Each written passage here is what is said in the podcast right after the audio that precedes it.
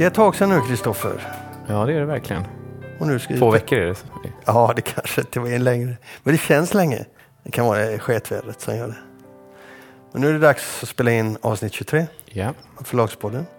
Och vi är som vanligt Kristoffer Lind. och Lasse Winkler. Norge har ju varit i, på tapeten i, inom branschen de senaste veckorna. Ja, det verkar som att det eh, händer väldigt mycket i den norska bokbranschen. Ja, en del, en del saker som när man sitter på den här sidan av gränsen eh, så kan jag tycka att ja, det där har vi ju sett i Sverige också. Det är lite upprörda tongångar Mm. och en del eh, väldigt självsäkra åsikter. Och det jag blir bara trött när jag läser.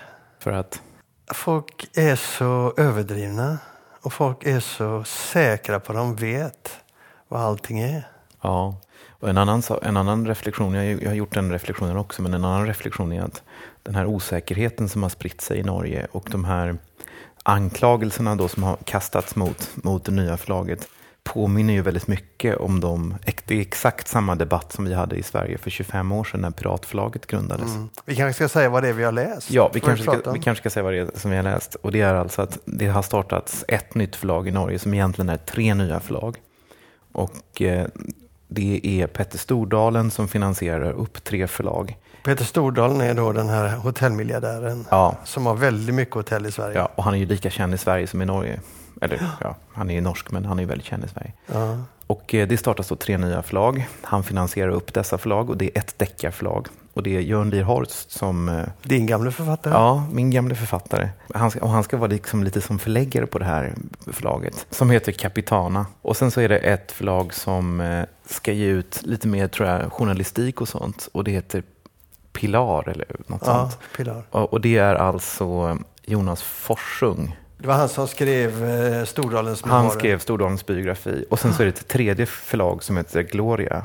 Och det förlaget kommer att ledas av Anne Gathaug som kommer från Kagge förlag. Och hon är en sån där stjärna i norsk bokbransch som alla är väldigt förtjusta i och som, som är ett väldigt, väldigt Ja. bra namn. Och sen så har då, sen så när de gick ut med den här nyheten så har det tillkommit författare. Det har tillkommit Tom Kristensen och Tom Egeland som båda kommer från Askehaug och är rätt stora författare. Eh, och eh, där även en, eh, en känd förläggare från Kappelendam har hoppat över. Så att de har fått en väldigt stark start. Det här är ju en smällkaramell som vi inte har sett i Sverige, även om Piratförlagen när det startade var något liknande. Nu var ju Piratförlaget en helt ny historia och när, när det här hände i Norge så är det inte nytt längre. För även de har ju haft Piratförlaget i Norge. Men De har ju haft det och 2004 startade Piratförlaget i Norge. Men eh, en, eh, en intressant fråga det är ju om det här kan sätta igång en förändring i Norge på samma sätt som Piratförlaget i Sverige satte igång en förändring. Därför att när Piratförlaget i Sverige kom så skrev de faktiskt historia, det kanske man glömmer bort idag, men, men eh, innan Piratförlaget så hade författarna i Sverige samma royalty oavsett om de sålde 100 000 ex eller 1000 ex.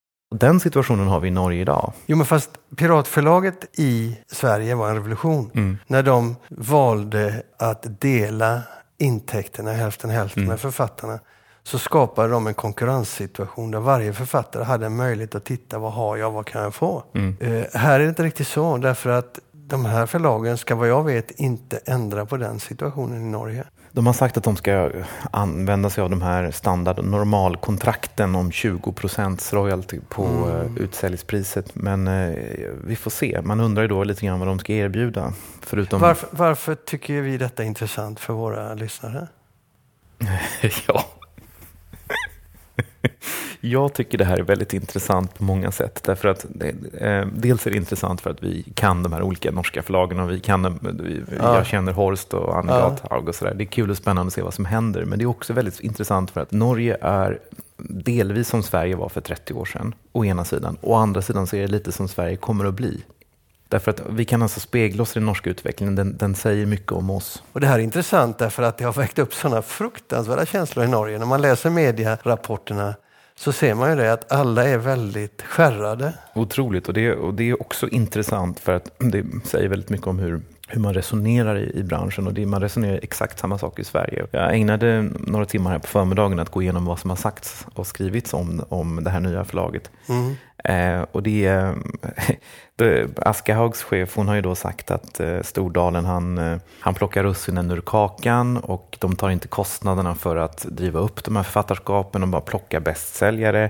Eh, och han och Horst är på fisketur och såna här saker. Och de har då kommit med motdrag och sagt att så är det inte alls, utan vi vill bygga upp nya författarskap, hitta nya talanger, men självklart måste vi börja med några stora namn och vi kommer inte att köpa över folk och sådär. Storförlagen då, de kommer med de här klassiska anklagelserna om att ni tar inte ett ansvar, vi har byggt upp under lång tid, vi har liksom gett tid åt de här författarskapen att utvecklas. Mm. Och sen så försvarar de sig med att nej, men vi vill också vara ett kulturförlag. Det, det där är intressant, för det gör ju de och de har ju rätt i det. Va?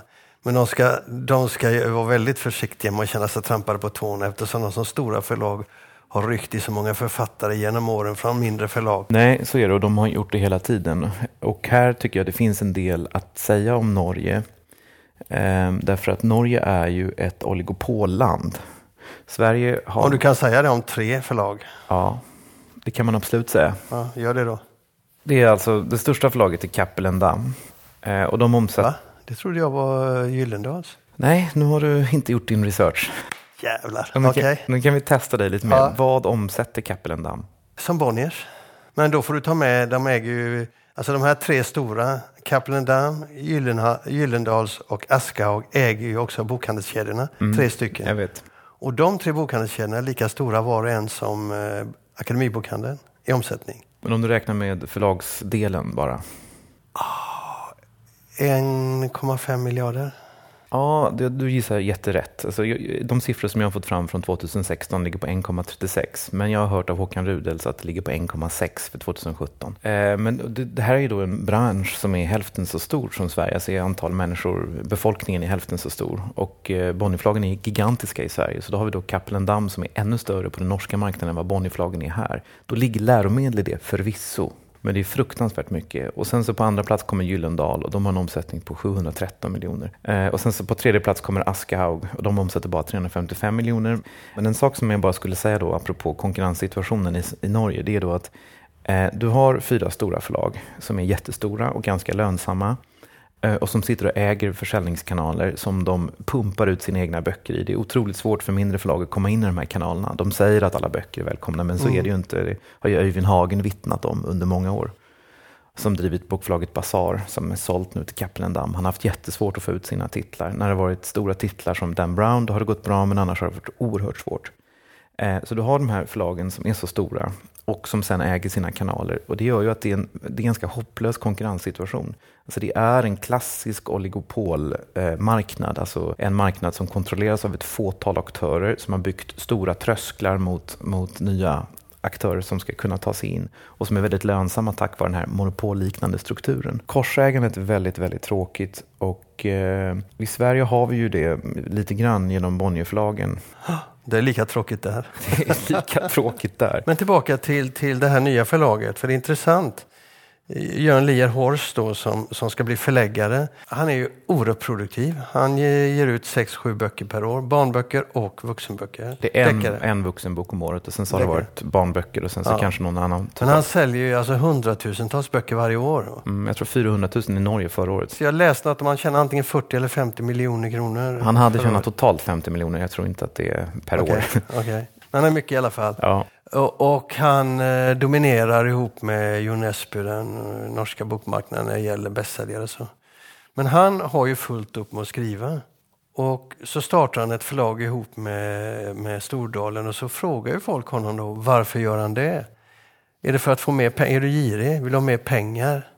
Nej, jag är inte girig. Jag tycker det är en spännande idé. Och det kan man ju tro honom på. Men det är klart att jag får mer pengar på, botten, eh, på bottenlinjen. Nu äger han ju bara 25 procent, ska man veta, av det här nya förlaget. Men det som jag liksom tar mig för pannan och tänker, han ska bli förläggare. Aha, för vem då? Andra författare? Nej, men det, jag håller med att ett förlag som ägs av andra författare är ju heller, inte heller helt oproblematiskt. För att man kan ju tänka sig att han ska vara förläggare där, han ska äga 25 procent. Det är ju givetvis så att om Jo Nesbø skulle knacka på dörren så, kom, så kommer det bli svårt. Liksom. Vem ska de satsa mest på? Han har ju redan knackat, lite försiktigt vad jag förstår. Ja, han har sagt att han tycker det här är spännande. Ja. Men, men, eh, nej, men det, där, det där det är inte helt okomplicerat. Men det verkar som, som även eh, Tom Egeland, han ska sitta i styrelsen. Eh, också då författare och som ska ja. vara med. Och det verkar som att det ska vara liksom lite sådär eh, Eh, det finns något lite kläm...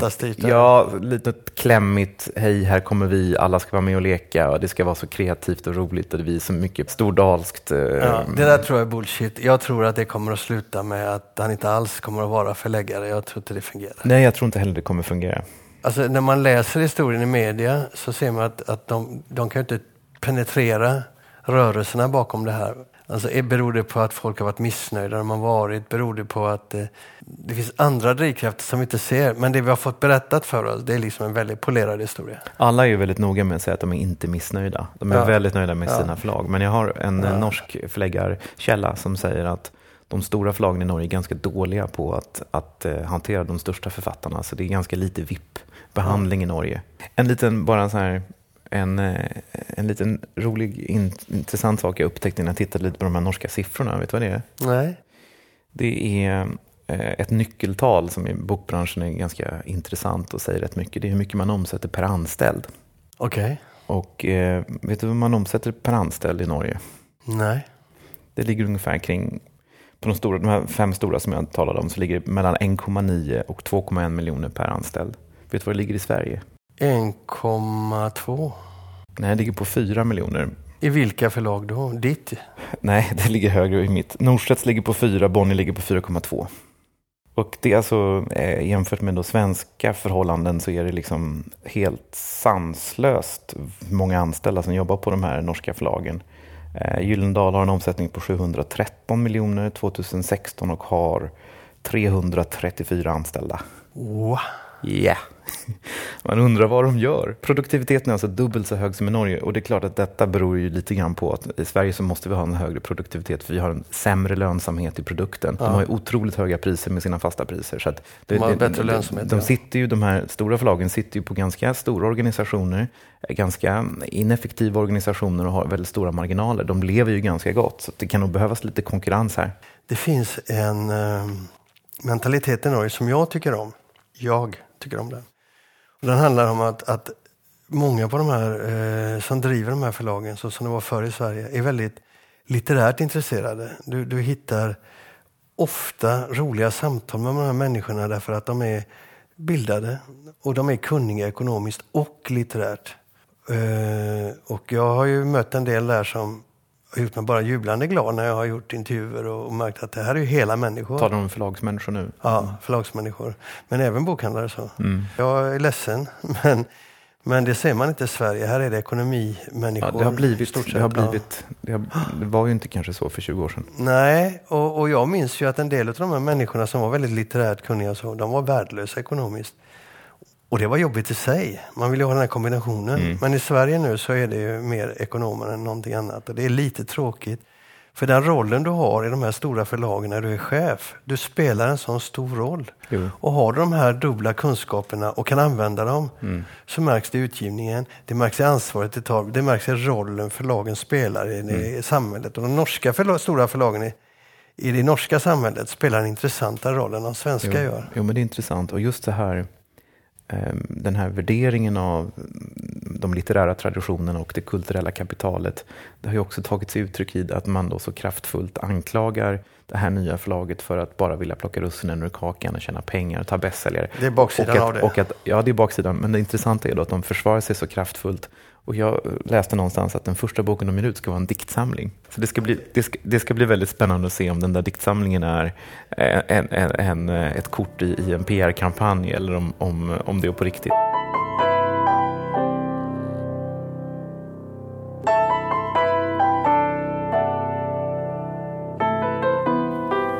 Ja du, nu har vi varit rätt gnälliga ett tag här. Ska vi fortsätta på den, på den eh, vägen tror jag. Ja, men det är ju februari. Mm, alltid grinigt. Du, jag, nu är det ett tag sedan, men jag kommer ihåg, jag läste i Guardian, brittiska dagstidningen, om... Som alla, eh, svenska, som alla svenska journalister läser. Ja, men vet du vad som är tröttsamt? Nej. om man läser den och sen tittar på kultursidorna Ja, så ser vet. man, var de, ser man var de har snott grejerna. Jag vet. Det är bara rewrite det mesta. Jag vet, jag måste då, då, det här är ett instick men jag måste få berätta det för det är väldigt roligt. Um, för något år sedan ungefär så, så hade The Ga- The Guardian en väldigt stor artikel om en tysk bok som eh, handlar om droger i Tredje riket. Och eh, de hade gjort en intervju med, med den tyske författaren som var på besök i London.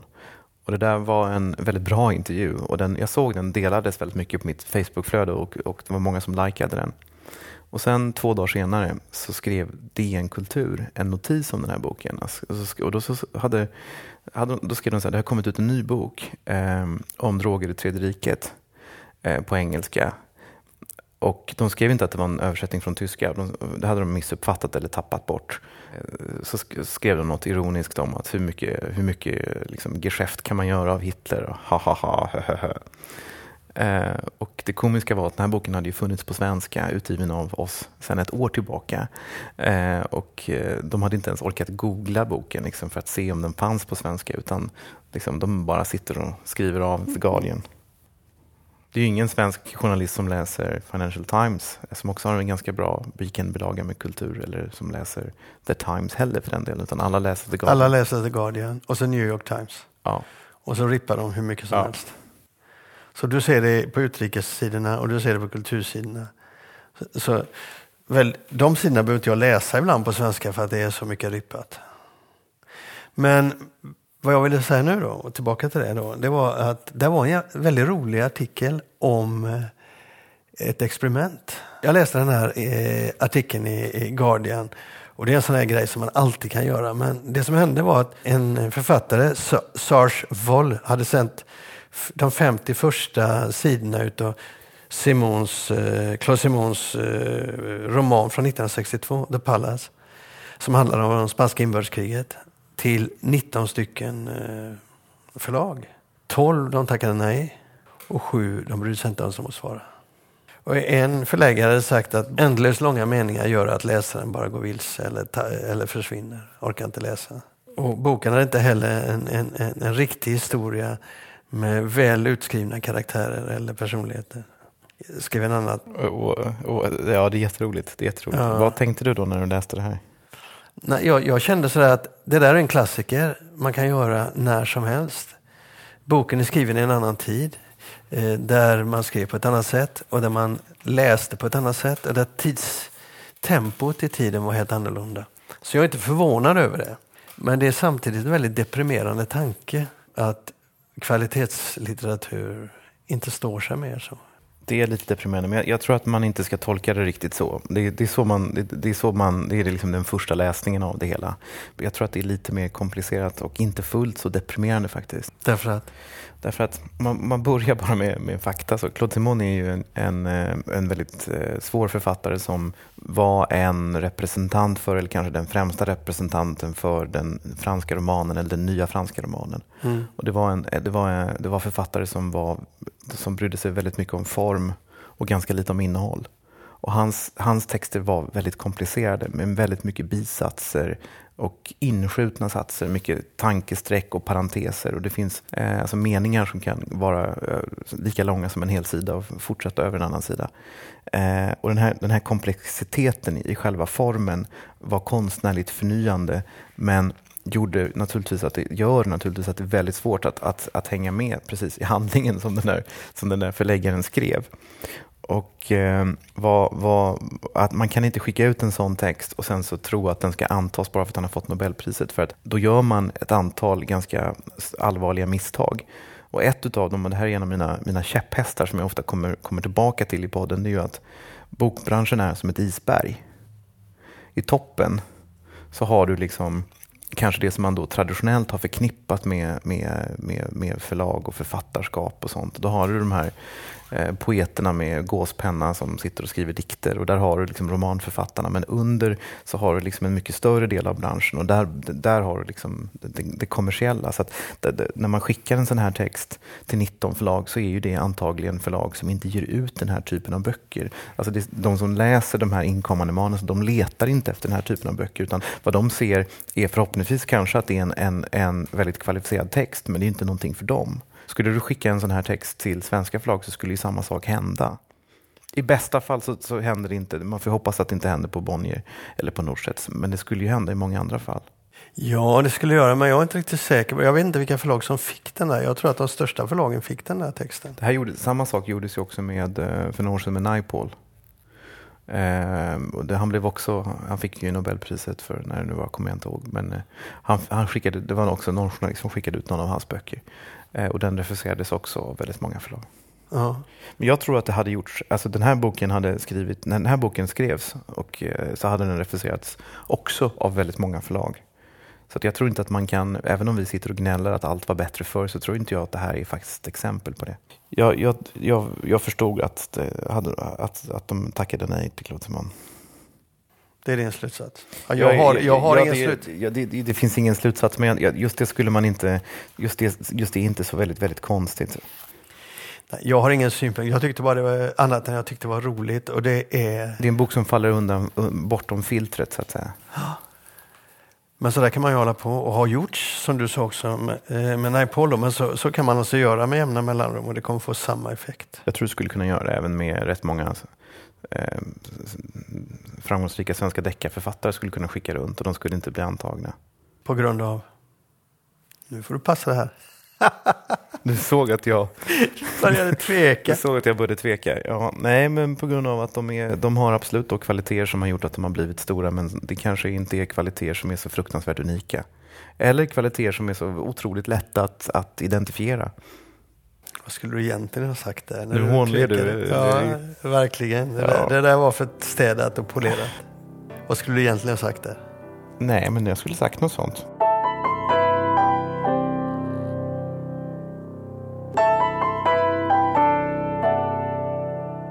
Du snackar biografier du. Eh, Nja, det vet jag inte om jag vill göra egentligen. Men jag, jag kommer bara att tänka på det att biografier är ju en genre som har varit ganska stark de senaste åren. Biografi går väldigt bra och att det också är eh, en typ av böcker som omfattas av popularitet i de nya streamingtjänsterna. Ja, det måste du ju märka på din egna. Jo, så det var ju inte någon spaning som jag bygger på någon spekulation. Nej, du ville bara säga detta. Ja, nej men dels det, att biografier är väldigt populära, men också att, att det som har mm, den, den typ av böcker som funkar som biografier har ju också kraftigt förändrats. Hur då? Förr i tiden så kunde, du så, så kunde, kunde biografier skrivna av gamla ministrar eller gamla liksom, företagsledare, eh, SAF-ordföranden och sådana här, det kunde, kunde ha ganska stora upplagor. När Tage G Pettersson skrev sina memoarer, vet du vad de sålde då? Nej, Gissa. Kommer du ihåg vad den hette? nej, Den hette någonting med Mars. hoppsan. Ja, Nej, jag har ingen aning vad den kan ha sålt. 15? 35 000. Shit. Det var en stor säljare på Bonners det året.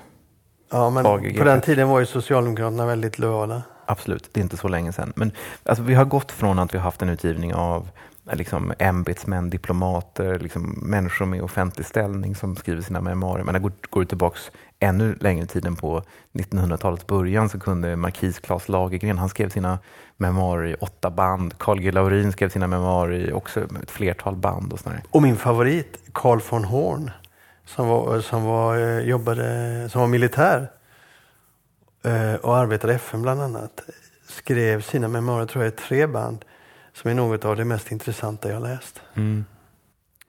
Men det där var ju en ganska stor genre, memoargenren under slutet av 1800-talet, början av 1900-talet av Mm. just militärer, höga ämbetsmän, jurister som skrev sina memoarer. Men det där det är ju fullständigt borta. Och jag tror att det håller på nästan att försvinna helt.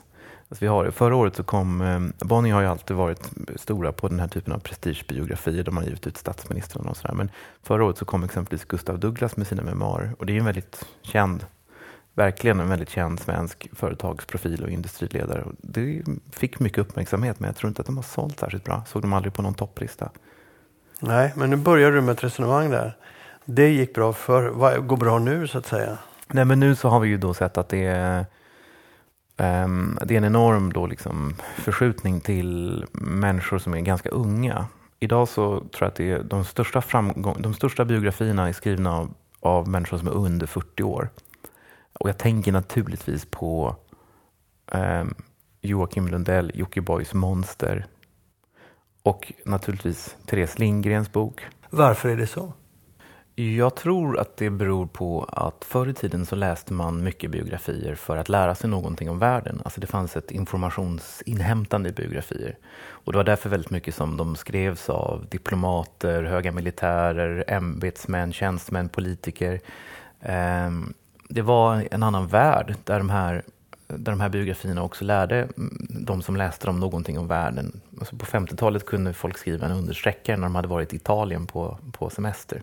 Ja, men nu, är, nu är världen mycket, mycket kortare, mycket intensivare. Du har ju nätet, du ser ju allting. Exakt, och därför så det är inte så intressant att läsa. Vi har inte heller respekt för människor med en hög samhällsställning. Det är inte så intressant. Idag vill du ha någonting annat. Och du läser en biografi idag för att du vill ha en historia som är unik, men också för att du identifierar dig med den personen som har skrivit den. Och du vill också, ha, du vill också komma någon annan människa väldigt nära och få någonting som är äkta och autentiskt. Och därför så vill man ha, läsa om Therese Lindgren eh, om hennes problem. Eller man vill ha någonting som, man, som, man, som, eh, som på djupet är äkta.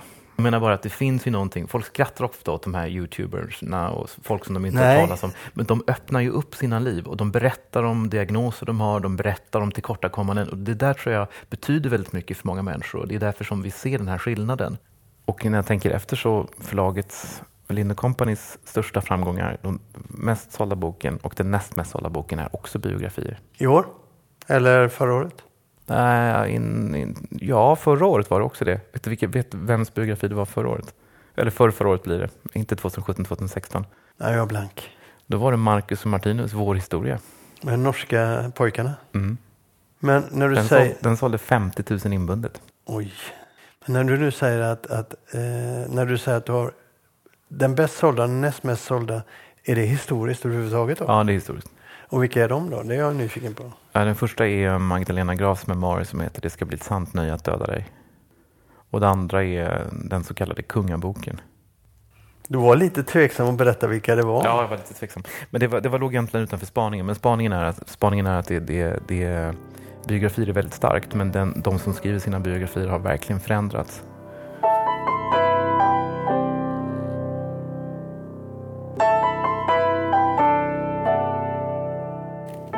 Ja, nu har vi kommit till slutet här av avsnitt nummer 23. Hur känns det Lasse? Eh, okay. Har du fått sagt allt? Jag har fått sagt allt. Det enda jag längtar efter nu det är bättre väder. Det kommer i nästa nummer för då ska vi åka till London. Just det. Nej, fel. Näst, nästa. Så blir det. Avsnitt 24 som kommer om två veckor då. Det, är, det kommer medan vi är i London. Så är det. Avsnitt 25 då blir nästa rapport från Londons bokmässa 2018. Mm. Bland annat. Mm. Det blir rätt roligt tror jag. Det blir roligt. På återhörande då. Just det. Hej med!